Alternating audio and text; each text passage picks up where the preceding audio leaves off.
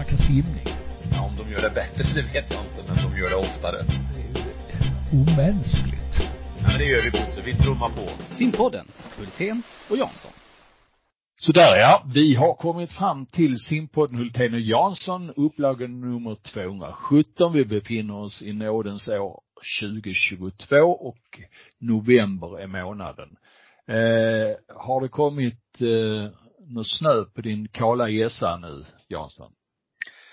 Nej, det har det inte gjort. Tyvärr Ja. ovanligt varmt så här långt in i november. Just nu är det 11 grader ute och i morse var det 9.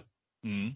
Ja, det är lite obehagligt Ja. på något sätt, eller skönt. Jag vet inte. Ja. Var, varmaste oktober eh, sen alla mätningar, eller s- varmaste året eh, i Europa eh, sen alla mätningar startades. Eh, så kan det vara. I förrgår var det sån, alltså så pass tjocka moln och dimmaktigt hela dagen så den här belysningen som ska slockna när det blir ljust, Mm. den slocknade aldrig hos oss. ja, det är ju inte bra. Nej. Nej. Så att, nu lät det som att det är trist och jobbigt och alltihop men jag mår förträffligt bra. Ja, vad bra. Ja, så att Det vi inte blandar ihop korten. Nej. Bra så. Du, det händer en del eh, simmässigt framöver. Här är SumSim, Region och Riks, här är SM och så är det ett VM och den här VM-truppen togs ju ut eh, häromdagen. Eh, med ett antal herrar av fyra och resterande damer. Hur många damer har vi? En, två, tre, fyra, fem, sex, sju, åtta, nio damer och fyra herrar. Eh, blev truppen så, som du hade hoppats? Saknar du någon? Ja, nej, eh, jag, jag, jag har faktiskt inte den här gången spånat så mycket och tittat i den här truppen eftersom det är ett tidigt skede. Till exempel eh, Sara Sjöström valde att eh, inte vara med och jag har inte vetat förrän för några veckor sedan att Michelle skulle vara med och då blir ju inte kanske lagkapslagarna lika eh, spännande och intressanta och kopplat till vilka simmare som ska med. Så jag har inte så sett titta något, men när jag ser truppen här så kan jag konstatera att eh, om det har varit lite fokus på lagkapper eller varit fokus på lagkapper på ett bra sätt under de här mästerskapen som var på sommaren så är det lite mindre fokus på möjligheter i lagkapperna. Mm. Annars är det väl, det är ju de simmare som också har visat upp sig eh, på de flesta håll väldigt bra under hösten. Men det är ju två simmare som vi inte riktigt vet var de står och då tänker jag på Erik Persson som ju har lyst med sin frånvaro sen i juni tror jag. Eh, och sedan är det då eh, Viktor som vi inte haft någon kontakt med, våran ständige poddgäst. Och just nu har jag noll koll på hur Viktor har det. Så de är ju, är jag nyfiken på. Sen ska det ju bli spännande att se eh, hur Michelle toppad eh, klarar situationen efter sitt långa uppehåll. Så, så det blir ju när det väl är dags intressant och det blir ju möjligheter till medaljer med tanke på inte minst Louise framfart i höst. Mm. Ja, men det blir spännande.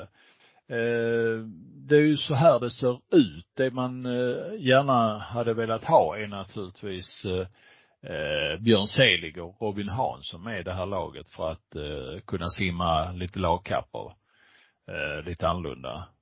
Och eh, också se deras eh, förmåga just nu. Men eh, så är det inte. Nej, och, och, och det här tror jag, så här speg, det här speglar hur världssimningen faktiskt ser ut med tanke på den, de mästerskap som eh, det lite grann klumpades ihop som en effekt utav coronan, eh, flytt av OS och så vidare. Det, det gör att den enskilde idrottsmannen, inte bara i de svenska trupperna, måste tänka till själv och ta ett beslut om de ska hålla över tid. Och i några fall tror jag till och med att de kanske tjänar på det i sin prestationsutveckling att få de här breakerna. Mm. Så är det nog. Men, men däremot tror jag, är jag väldigt nyfiken på en sak när det gäller VM. Och det är ju det att det går ju borta i Australien. Och Australien brukar ju inte ha jättefokus på kortbanemästerskap. Det går ju inte att jämföra med eh, USA och deras eh, eh vad ska vi säga, satsningar mot NCAA och så vidare. Och nu får de ett VM på hemmaplan. De bru har brukat ibland köra sina VM i augusti, eller sina 25 meters eh, australiensiska mästerskap i augusti. Och nu får de ett VM då i, i, eh, på hemmaplan. Det ska bli spännande att se. Jag tror mm. det kan bli en hel del eh, världsrekord kopplat till australiensiska simmare. Ja. 13 till 18 december går de här tävlingarna. Det är trevligt. Det har varit World Cup har det varit också. Det har varit en, eh, en runda här i Berlin, Toronto, Indianapolis. Eh, som har fått eh, bra mycket bättre kvalitet än vad det har varit de senaste åren eftersom ISL ligger på is, den internationella simligan. Eh, så gör det att många simmare har sökt sig till World Cup istället. Eh, sammantaget, eh, vad har du för känsla av eh, årets upplaga av World Cup? Ja men om vi tittar på deltagarantalet och den biten så är det ju precis som du är inne på. Det, har, det var inte bara Berlin som det var hyfsad kvalitet utan det blev det ju både, både borta i Kanada och i, nu senast i Indianapolis i USA. Eh, men min känsla är ju, och, och den är, blev ju även förstärkt när vi var i Ystad och tittade på svenska Grand Prix, det är att de svenska toppsimmarna på de här tävlingarna eh, gör det på en eh, generellt sett högre nivå i en träningssäsong än de har gjort tidigare. Och det tycker jag är både spännande och sen tror jag stenhårt på att det är rätt väg att gå när man ska eh, utvecklas framöver. För de, de svenska simmarna har gjort det bra och senast Louise här, hon simmar ju på helt fenomenala tider. Mm. Mm. Um, det hade kanske varit ett större svenskt deltagande om vi hade varit uh, på europeisk uh, plan under uh, större delen av den här World Cupen. Men det känns skönt att ha varit på, ska vi säga tre ehm, eh, tre fina tävlingsställen i icke-totalitära stater. Om jag uttrycker mig på det sättet så har jag talat om vad jag tycker. Mm. Nej men eh, alltså vi får ju leva med i de här eh, mellanmästerskapen om jag får kalla det så för det här är, alltså trots allt så är det långbane-OS och långbane-VM. Det är egentligen de tre tillfällena under en fyraårscykel när i princip alla är fokuserade på både alla nationer och alla individer att göra det bra. Eh, sen får man förstå utifrån då de här längre karriärerna som eh, simmarna har idag att mellanmästerskapen, då spelar det roll för de olika kontinenterna var det går. Eh, går det borta i Asien va, så, så minskar antalet från de, en del andra kontinenter och så är det fler simmare från den kontinenten. Så det är ganska naturligt. Sen får vi ju se om USA, hur, hur vassa de kommer att vara på VM. Om vi knyter an till den punkten. Just mm. med den ingången som du nämnde. Och så var det ett eh, helt gäng nya duktiga simmare som man inte hört talas om mer eller mindre om man inte verkligen har lusläst resultatlistor tidigare. Så eh, upptäckte jag i alla fall ett, ett, eh, ett gäng simmare som aldrig, aldrig beskådat någonstans. Så det är också intressant. Så, är det ju och eh, i och med att man är på färre tävlingar generellt sett och eh, så får och, det är ju en stridström av nya simmare som också kommer in så får man ju hela tiden vara på på tårna. Det var precis så för mig också Bosse. Det var en hel del namn jag inte hade sett förut. Mm. Mm. Eh, och sen var det många namn som man tack vare ISL känner igen kanske lite mer än man annars skulle ha gjort och får en bild av hur de simmar. Jag blev väldigt förtjust i, i ryggsimmerskan Ingrid Wilm till exempel. Mm, vi, vi har noterat det ja. Ja. Ja. ja men hon kom som en spjut sista 25 på, på de flesta lopp. Mm. Det var läckert att se. Ja, verkligen.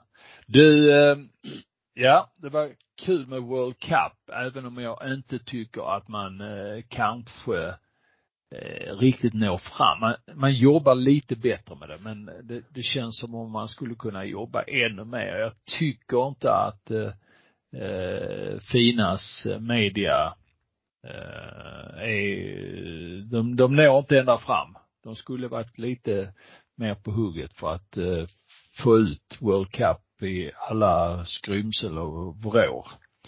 Men eh, det kanske blir någonting annat. Man får hitta på lite mer saker. Jag kan komma med lite goda tips, men inte idag. ja, det, det är jag säker på att du kan. Eh, och, och, borde få chansen till dessutom. Eh, det var några världsrekord också. Katie Ledecky var i vattnet. Ja, alltså jag, jag försökte ska vi säga, förstå hennes resultat utifrån om det är en stor utveckling som har skett eller om det är en effekt av att hon inte har simmat eh, på 25 meters bana mm. eh, sedan tidigare och eh, hon, det, det, är ingen stor utveckling egentligen som har skett hos Katie Ledecky. Eh, men hon visar att hon håller fortfarande den där höga nivån. Mm, mm. Så det kan det. komma fler världsrekord på, på VM i de här, på de här distanserna för de, ja, tiden, hur ska jag uttrycka att för varje år som går så närmar vi oss att kortbanerekorden är lika långt gångna som långbanerekorden. Vi tittar vidare. Så har det varit en diskussion eller åtminstone något inlägg i debatten eh, den politiska idrottsdebatten som definitivt inte är på någon speciellt hög nivå. Man kan väl säga så här att eh, jag var och hörde en föreläsare igår, en eh, känd idrottstyckare som sa så här att eh, eh, jag har ingen politisk eh, egentligen grundmurad syn, men en sak är säker. Eh, när borgerliga regeringar kommer till makten så blir idrottsprogrammet väldigt svagt och otydligt och de idrottspolitiska program som är skapade i det här landet har skapats på vänsterkanten och det kan man väl definitivt hålla med om. Nu surrar man om eh, att eh, från borgerligt håll eh, ompröva den här 51 procentsregeln när det gäller idrottsföreningars organisation. Och ge oss kort en briefing om eh, vad den här 51 procentsregeln innebär, Thomas. Det är ju kopplat till ägarskapet av en förening eh, så tillvida att ett eh, ett aktiebolag eller ett handelsbolag eller någon annan kommersiell förening, om de vill bli medlemmar och bli ägare i en idrottsförening så får de inte komma över 49 procent. Utan man har då satt en regel som säger att idrottsföreningens medlemmar ska äga 51 procent av föreningen för att säkerställa att det inte blir en full bolagisering utav det som vi kanske tycker är idrottens själ, alla fina föreningar runt om i landet. Och det, de föreningar som den här diskussionen mest har varit uppe i, det är två stycken eh, Eh, föreningar nästan innanför tullarna, det vill säga Hammarby IF och eh, AIK, fast de är ju i och för sig placerade utanför tullarna rent fysiskt, även om eh, intressesfären ligger innanför tullarna. Och det är ju här debatten har stått högst. Eh, vad skulle det innebära eh, om eh, man kunde gå in och eh, köpa mer än 50 eh, procent av en idrottsförening i Sverige. Ja, rent krasst skulle det innebära att vi kunde hamna i samma läge som man är i till exempel i engelsk fotboll eller att, att då vilket företag som helst med, med grumlig bakgrund kan bli ägare och, ja, enkelt uttryckt tvätta pengar. Mm. Eh, alltså det, det, jag tycker egentligen, alltså det finns ju någonting och det kanske är motsägelsefullt mot en total elitsatsning, men idrottens själ som finns i, i, i svensk idrott, hur den är uppbyggd med både med hallar och verksamhet och stöd och så vidare, den, den är oerhört viktig att värna om. Och den, dag, den gången man släppte upp den här 41, 49 procents gränsen eller 51 beroende på vilken sida man ser det ifrån, så var det ett litet ingrepp i det här och att jag tycker det är lite otäckt att man nu pratar om att kanske släppa den där fri. Eh, och man gör det av ett syfte att man tycker att eh, ishockey och fotboll ska klara sig bättre ute i Europa. Och eh, ja men då får väl göra som de individuella idrotterna, de får eh, träna bättre och klokare och på det viset konkurrera ute i Europa. Mm. Ja, det är en lång väg att gå där. Eh, det är ju helt klart eftersom eh, Sverige vill rankas som eh, land nummer 24 i Europa när det gäller ligan. Går man in och tittar på det du exemplifierar här, Premier League, så är ju de största de flesta är då ägda av antingen arabiska företag eller familjer eller kinesiska företag och familjer. Eh, och så finns det några till. Det finns några indiska storägare också. Eh, och eh, för mig, eh, jag vet inte hur intressant det skulle vara om, om eh, Qatar skulle äga 20 simklubbar eller 10 fotbollsklubbar i Sverige för mig eh, är det viktigare att eh, idrottens själ behålls i det här landet än att vi får in pengar och kan köpa fler utländska spelare och på så sätt krydda vår liga och för ett, ett bättre landslag får vi ju inte eh, naturligtvis, men vi får bättre klubbar. Nej men alltså på, på ett vis är ju ISL-ligan en liten variant på det här vi pratar om. Det är ju en det är ju en udda fågel och skulle det bli för mycket av ISL-ligeverksamhet så skulle ju det också äventyra själen egentligen. Mm. Men när den ligger som den gör nu separat så tillför den, tycker jag, dock mer än vad den bort, eh, tar bort. Däremot så tycker jag ju det är oerhört konstigt att det inte, när alla de som lyfter de här eh, bojkottankarna kring Kina och Ryssland och så och eh, ner till Qatar och det här hur de fotbollsspelarna från Sverige kommer undan som byter dit. Mm. Det är för mig helt ofattbart. Men också länder. Också eh, länder. Ja, du ser dem, nu har ju tyska ministrar varit ute och uttalat sig om att eh, Tyskland borde bojkotta fotbolls-VM i Qatar. Men på samma gång så sitter det tyska regeringsmedlemmar och och eh, förhandlar om olja och gas eh, från samma länder. Eh, var går gränsen någonstans i detta? Hur ska man kunna förbjuda sportwashing som det är frågan om i, de här sammanhangen. Det, är väldigt luddiga gränser. Det är ett grumligt träsk. Så är det. Och som motvikt till det så kan man ju ägna då en tanke, på tal om idrottens själ, till alla funktionärer och ideellt arbetande i olika idrotter som varje dag, varje helg gör tiotusentals timmar mm. till vår, till, till gagn för idrotten och även andra kulturella yttringar. Mm. Men som sagt det är ju intressant det här eh, med Eh, hur vi ser på det. Jag menar, svenska folket köper ju prenumerationer på icke-linjära tv som eh, bolag som sänder typ eh, Premier League och sånt här mer än någonsin. Samtidigt som man eh, det smittar av sig en hel del när det gäller publiksiffrorna på allsvensk fotboll. Eh, där man egentligen inte riktigt har råd att leva eh, efter det, på den nivå som, som man, man tycker att man kan Det finns några föreningar som har hyfsat med pengar, men resten eh, lever ju på, i en gråzon när det gäller ekonomi.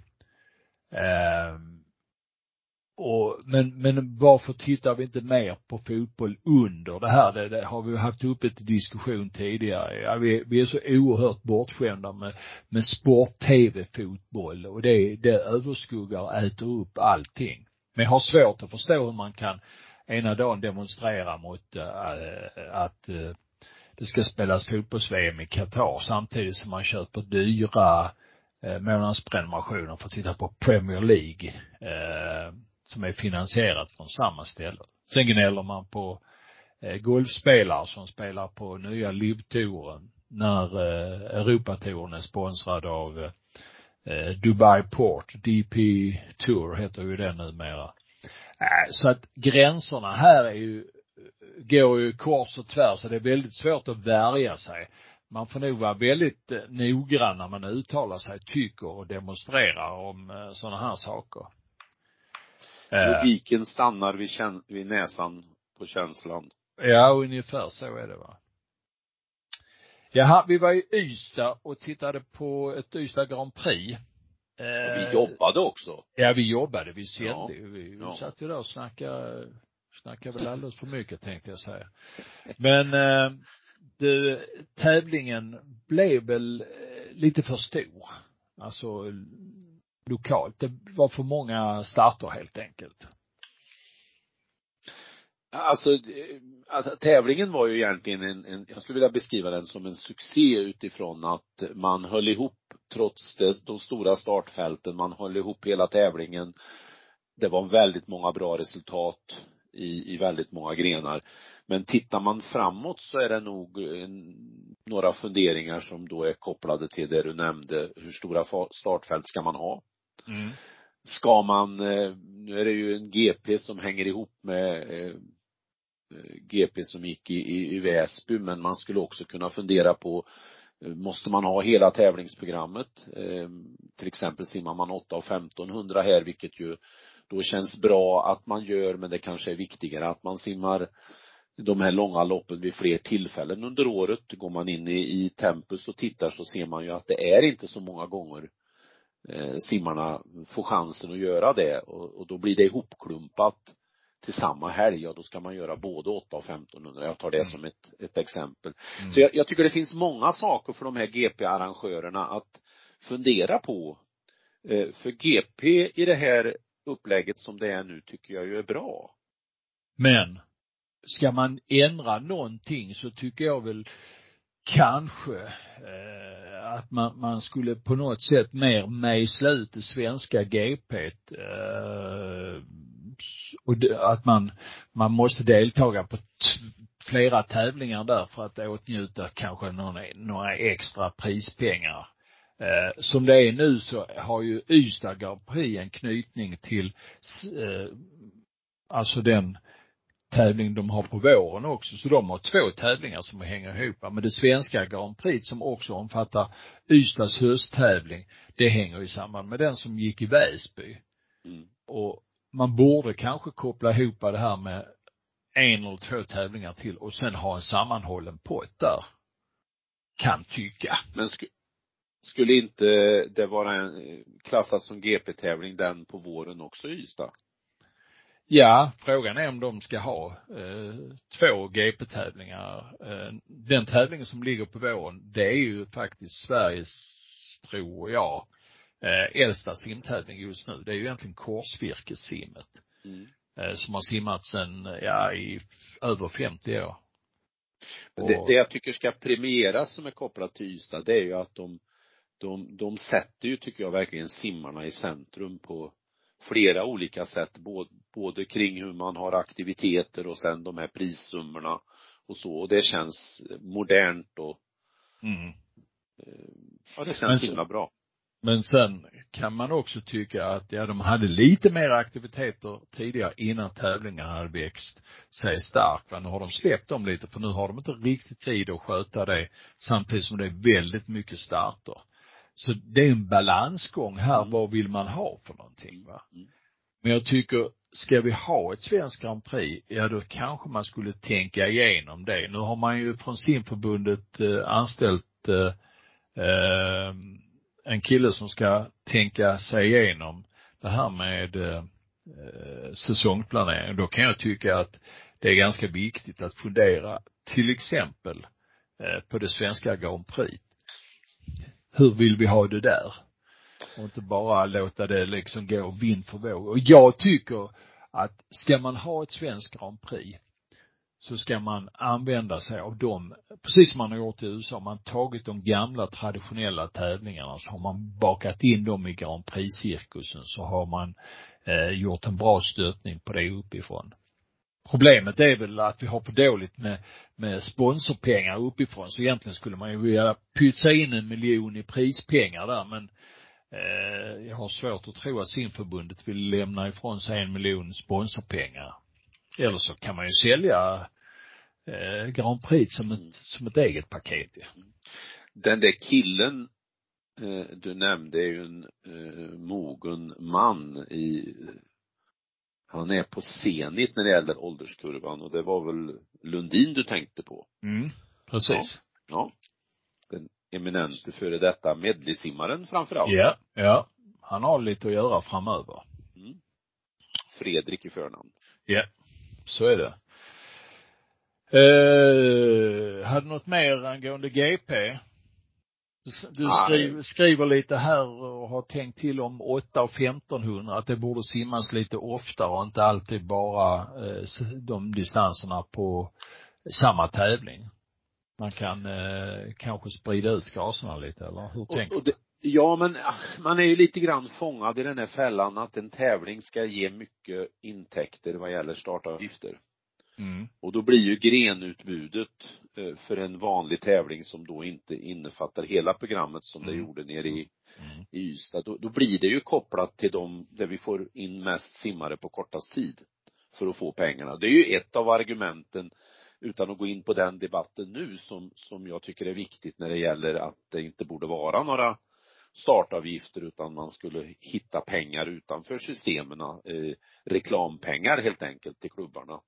Mm. Nej, de, de borde, man skulle kunna simma det betydligt fler gånger. Mm. Mm. Eh, du snackar sponsorintäkter också, faktiska pengar. Eh, det hade varit kul att veta hur mycket sponsorintäkter kommer in i svensk simning. Vet vi det? Har du Nej. försökt luska i det?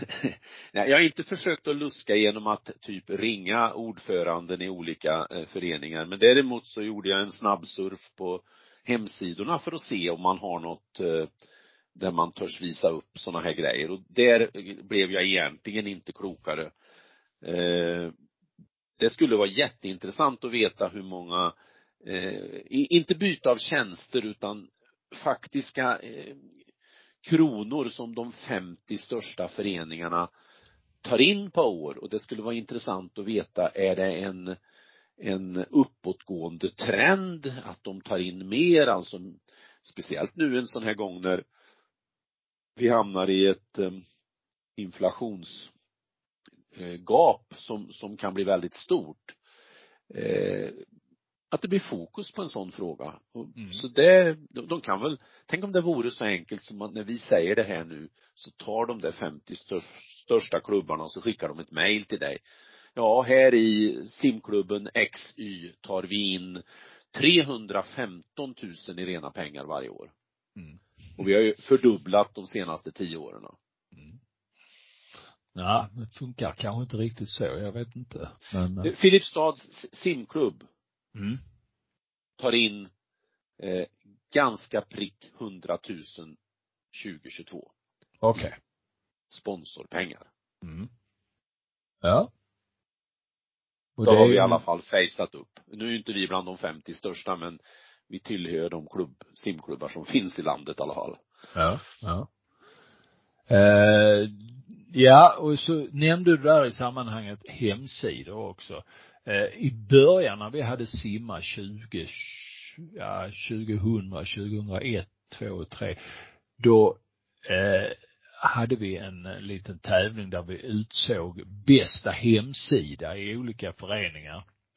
Eh, frågan är om, om man skulle kanske ta tag i det eh, också nu. Jag vet inte. Eh, för jag tycker att det är många hemsidor som saknar väldigt mycket information. Eh, det finns en del som är riktigt bra. En som, som jag tycker eh, är duktig en förening som är duktig på att uh, uppdatera det är ju simklubben Älvsborg som för övrigt uh, fyller 50 år här uh, alldeles strax. Man 2023 va, eller? Nej, det är Fyller de i år? Ja, ja. Absolut. Jaha. De har en jubileumsvecka 14 till 19 11.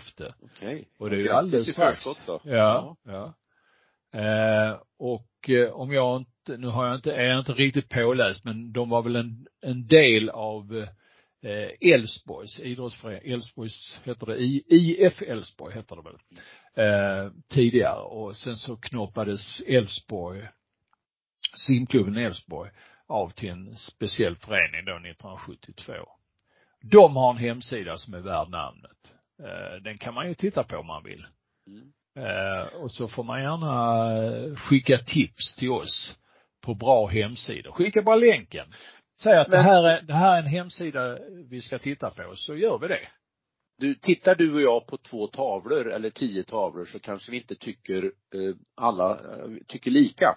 Det blir ju en subjektivitet i det hela. Nej, men det är konst. Men, men vad är bra hemsida? Är ja, transparens den... ett nyckelord? Ja, den ska, framförallt så ska den, eh, den ska ge information om klubben. Eh, information eh, i dagsläget, bakåt och framåt. Sen ska det kunna vara så att man kan nå föreningen. Eh, det här kontakta oss-sidan är väldigt viktig med ordentliga telefonnummer och e-postadresser och sånt här. Det är väldigt svårt att nå föreningar. De, de, de är, eller de, ja, de är rätt kassa på, att visa. Sen så tycker jag att om man har tävlingsarrangemang så ska eh, informationen om dem vara klart och koncis och lätt att hitta. Allting ska vara lätt att hitta. Man ska också kunna nå de som sitter i styrelsen och föreningen. Vill man kontakta föreningen så ska det kunna finnas eh, chans att skicka ett eh, vettigt eh, skicka en e-post till en kassör till eh, en ordförande. Jag tycker till och med att man ska hitta telefonnumret till eh, kassören om så är och alla i styrelsen. Jag har sett många nu exempel på där man bara har mejladress ja. till styrelsen. Och det, det är ett sätt tycker jag att avskärma sig lite granna. Ja. Eh, ring inte hit om du har något problem. Nej. Skicka ett mejl så kanske jag tittar på det. Lite så är det. Ja. Det är helt klart. Eh, Men eh, jag, jag, kan tycka att eh, gå gärna in och titta på Älvsborgs hemsida. Mm. Den är kanske inte den bästa i landet, eh, eh, utan ni får gärna tala om för oss var de finns, de bästa. Eh, så tar vi gärna emot det. Och sen en sak, hade det varit jättekul att få se deras inom situationstecken representationslag presenterade. SM-simmarna finns presenterade. Eh, så man vet vilka som ska åka på SM. Varenda bondlag i division 75 i, i fotboll, ishockey, handboll och sånt har ju laguppställningar och visar vilka som är med i representationslaget. Det ska vi ha i simning också. Och där det framgår vad de ska simma på SM. Ja. Kanske till och med några förväntningar. Ja, ja. Och det är ju det man skickar, det är ju ett underlag att också skicka till den lokala medien. Mm. Så man får det förhands inför ett svenskt mästerskap. Det är ett bra sätt att, att äh, göra reklam för sin förening. Mm. Mm. Men sponsorpengar är jag nyfiken på. Ja, det var det ja. Avslutningsvis. Kunde jag tänka mig. mm. Jaha, eh, det var det. Eh, Sumsim och SM kommer nu snart. Eh, vad, vad ja, tror region är ju redan till helgen. Ja. De kommer. Simmas på sju ställen. Mm. Och så kan man gå in och klicka bland annat på simma för att se vilka som har gått till final. De länkarna läggs ut eh, nu innan. Så kan man eh, ta reda på det. Eh, SM simmas i Eriksdalsbadet och eh, Sundsimfinalerna simmas i Helsingborg. Så är det. Ja, arrangörsställen såklart. Mm, det hoppas vi på. Eh, och det borde vara så. Vi ska se här vad eh, man kan köpa, om, om man vill köpa biljetter till exempel till SM så kan man gå in på simma.nu, där hittar man en speciell kod så får man 10 rabatt på, på eh, biljetterna. Det kan vara någonting att tänka på. Om man nu vill göra så. Har vi något ja. mer? Nej, jag, jag tycker att de som inte har möjlighet att åka till Stockholm för att visa liksom att man är en sann simvän är att man köper biljetter ändå. Mm. Och är hemma och stödjer. Eh, det var lite skämt men lite allvar också. Jag, jag tycker att det är eländigt att man ska behöva pruta bort en biljett till ett svenskt mästerskap. Men det är en annan sak. Det jag är nyfiken på, både vad gäller Sumsimregionerna och eh, SM, det är den här trenden vi har sett nu under ett antal år när det gäller startfältens volym på eh, det vi kallar de lite längre distanserna, 400 medley, 800 fritt, 1500 fritt. Eh, där vi har sett krympande startfält. Mm. Eh, fortsätter den trenden eller kan vi se att det blir ett hack åt rätt håll i skivan? Ja. Och likaså nivån, om vi tittar på placering 5, 10, 15 och så vidare, att eh, går den också åt rätt håll eller är, är trenden fortsatt lite negativ där? Det är jag lite nyfiken på. Mm. Ja, vad bra. Det är bra att du är nyfiken. Ja. Ja. Jag vill dö nyfiken. Sen eh, är det ju lite upp i det blå just nu om hur det blir med SM-veckan i idrott framöver. Om simningen eh, kommer vara med. Det är ju inte lagstadgat längre att den måste vara med om jag förstår rätt. Eh, det vill säga att eh, det som har varit den stora nöten för en del kommuner att knäcka det är att få en ordentlig simbassäng. Det kravet är borttaget och då försvinner eh, simningen från SM-veckan. Kanske någon gång, kanske är med någon gång, jag vet inte. Det finns eh, högre makter som styr mer över det än vad vi gör här i simpodden. Men eh, vi har ju snackat lite om en, en eh, SM-vecka i simning. Och då snackar vi alla simidrotterna. Simhopp, vattenpolo, konstsim, eh, open water och simning då. Samla allting på ett ställe, köra de här tävlingarna under, eh, på ett, en stad eller ett område under kort period. Eh, är det någonting som låter sig göras? Är det intressant? Eh, kommer vi någonsin att hamna i det? Finns det städer som kan härbärgera en SM-vecka i simning? Eh, kort, lång bana. Eh, hur kan det fungera? Kan det fungera? Vad tror du Jansson? Finns det anläggningar som klarar av det här? Ja, lite grann har vi ju bundit lite ris åt egen rygg när vi, eh, de krav vi ställer i mästerskapssammanhang som ju har många fördelar och är bra att man gjort men också som stryper lite grann när det gäller antalet, de orter vi kan använda oss utav på mästerskapen. Eh, det, det, i mitt huvud tycker jag nersidan utav det hårda regelverket är större än uppsidan.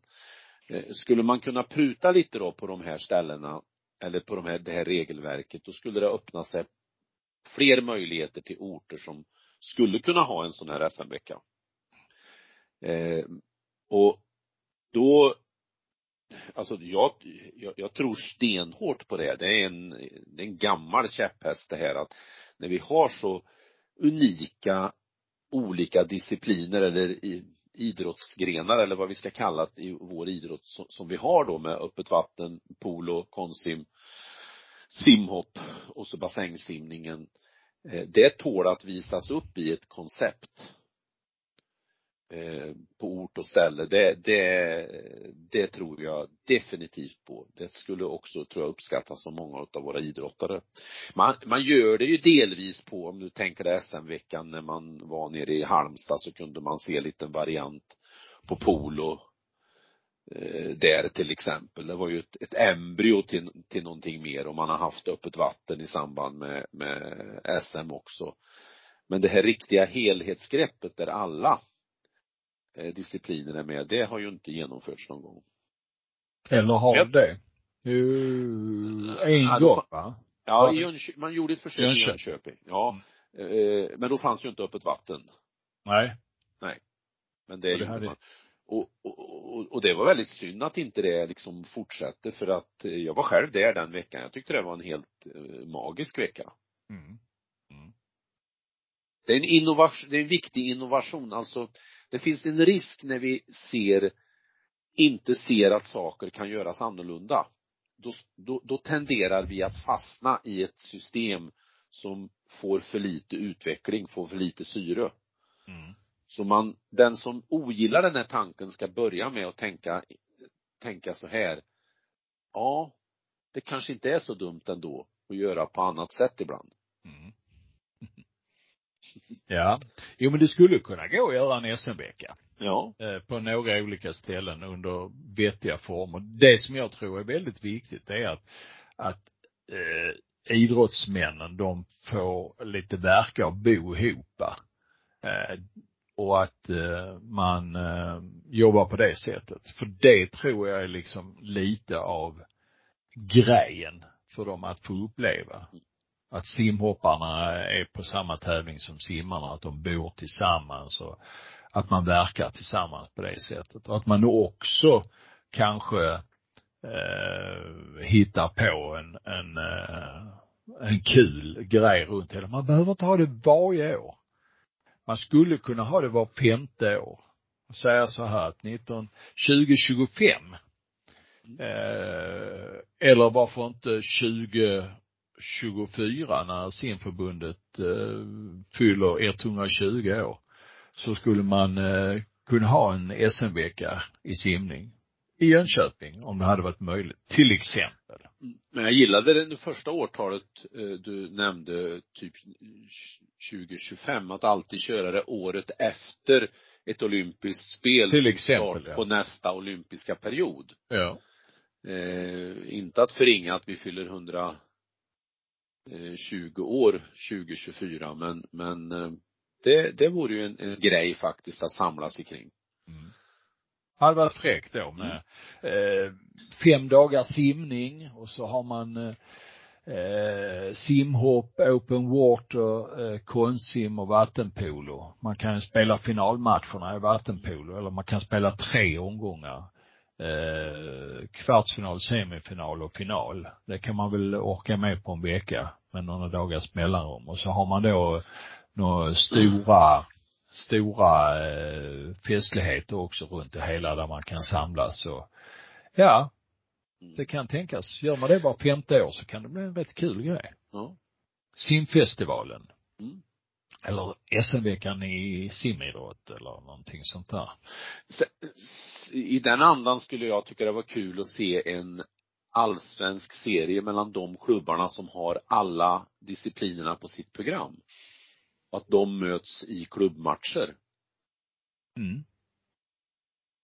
Då blir det betydelsefullt för, på ett annat sätt för, för simklubben att det, det är en helhet. Mm. Jag vet inte hur många klubbar vi har som har hela paletten. Uh, ja du. Har du, har du grepp på det någonstans i datorn? Nej, jag har nog inte, men jag, jag, jag kan nog säga. Det kan man se på poängfördelningen. Ja, det kan man göra. Eh, och det kan vi ju Det hade varit lite kul va? Ja. Neptun möter eh, har Malmö allt? Nej. Nej, nej inget polo. Ja, Oran har polo här. Ja, men Malmö, MKK har inte. Nej, nej. nej. En sån klubbmatch liksom. Vem är, vem är bästa simidrottsklubben? Ja. Dual meet. Ja. Hade kanske inte varit helt fel. Nej. Idéer saknas inte. Tyvärr behöver vi hjälp av Simmarsverige för genomförandet av dem. Ja, vi kan inte köra det själva. Nej. Nej. Nej, nej. Jag tror inte det. Men eh, ett inspel så gott som något. Om man nu tycker att eh, man vill ha något inspel. Eh, och det vill man väl egentligen om man tänker efter. Vi får se. Om man är för utveckling så borde man ju alltid vilja och extra mycket höra på det som man egentligen inte gillar just för att eh, man ska provoceras i sin, i sitt huvud. Jag har här framför mig, eh, Neptun har alla fyra disciplinerna. Eh, ska vi se, och då räknar vi öppet vatten också. Jönköping saknar vattenpolo, kan vi säga. Då får de ju starta det. Poseidon saknar vattenpolo konsim. Mm. Här är Jär, Järfälla. Ja, faktiskt mm. Järfälla. Vad är det de saknar? Simhopp. Mm. Det är lite spännande ändå. Se om jag kan leta mig längre ner. Uh, om det finns någon annan förening som har lite, nej det är väl så då. Är det bara Neptun som har alla discipliner? Mm. Det verkar det nästan så. Det tycker jag är intressant och intressant och hatten av för dem. Ja, för det har ja. ju inte påverkat att simdelen har blivit sämre precis. Nej. Eller så kör man här via städer, då får ju, eller distrikt. Mm. Ja. Det är ju en annan så. variant. Ja, ja. Distrikt skulle kunna gå ju. Ja. Ja, faktiskt. Mm. Ja, och då tittade vi på bästa simidrottsklubb 2021 för att konstatera att Neptun är den enda klubb som har eh, SM-poäng i alla fall i alla de här disciplinerna. Eh, mm. Så är det. Ja. Du, eh, det var Distriktskampen i simidrott. Ja. Mm. Ah. Vi får ja. ihop pololag och hopp i Värmland. Kanske konstsim. Simning. Öppet vatten. Ibland kan det ju bli lite sådär också. Jag, jag har en liten episod om eh, sexdistriktsmatch någon gång. Eh, Anno Datsumal i Malmö. Eh, den skånske simhopparen stukade foten på väg till tävlingen. Ingen kunde komma. En simmare gick in och gjorde ett rakhopp och fick en halv poäng. Eh, denna Lennart Johansson, född 1954 eh, som var simmaren i, i sammanhanget. Han fick leva det, har fått leva med det resten av sitt liv. Han är till hälften simma, simhoppare och så är han väl svensk mästare lagkapp också. Det är hans, eh, jag tycker det ligger på pluskontot att han ryckte Absolut, absolut. Men med den twisten på slutet här så tackar vi då för dagens övningar. Vi har hållit på drygt tre kvart och det här var simpodden Hultén och Jansson, upplaga nummer 217. Hej och tack till alla er som har lyssnat. Nu ska vi snacka simning. Ja, om de gör det bättre, det vet jag inte, men de gör det oftare. Det är omänskligt. Ja, det gör vi, Bosse. Vi trummar på. Simpodden, Hultén och Jansson.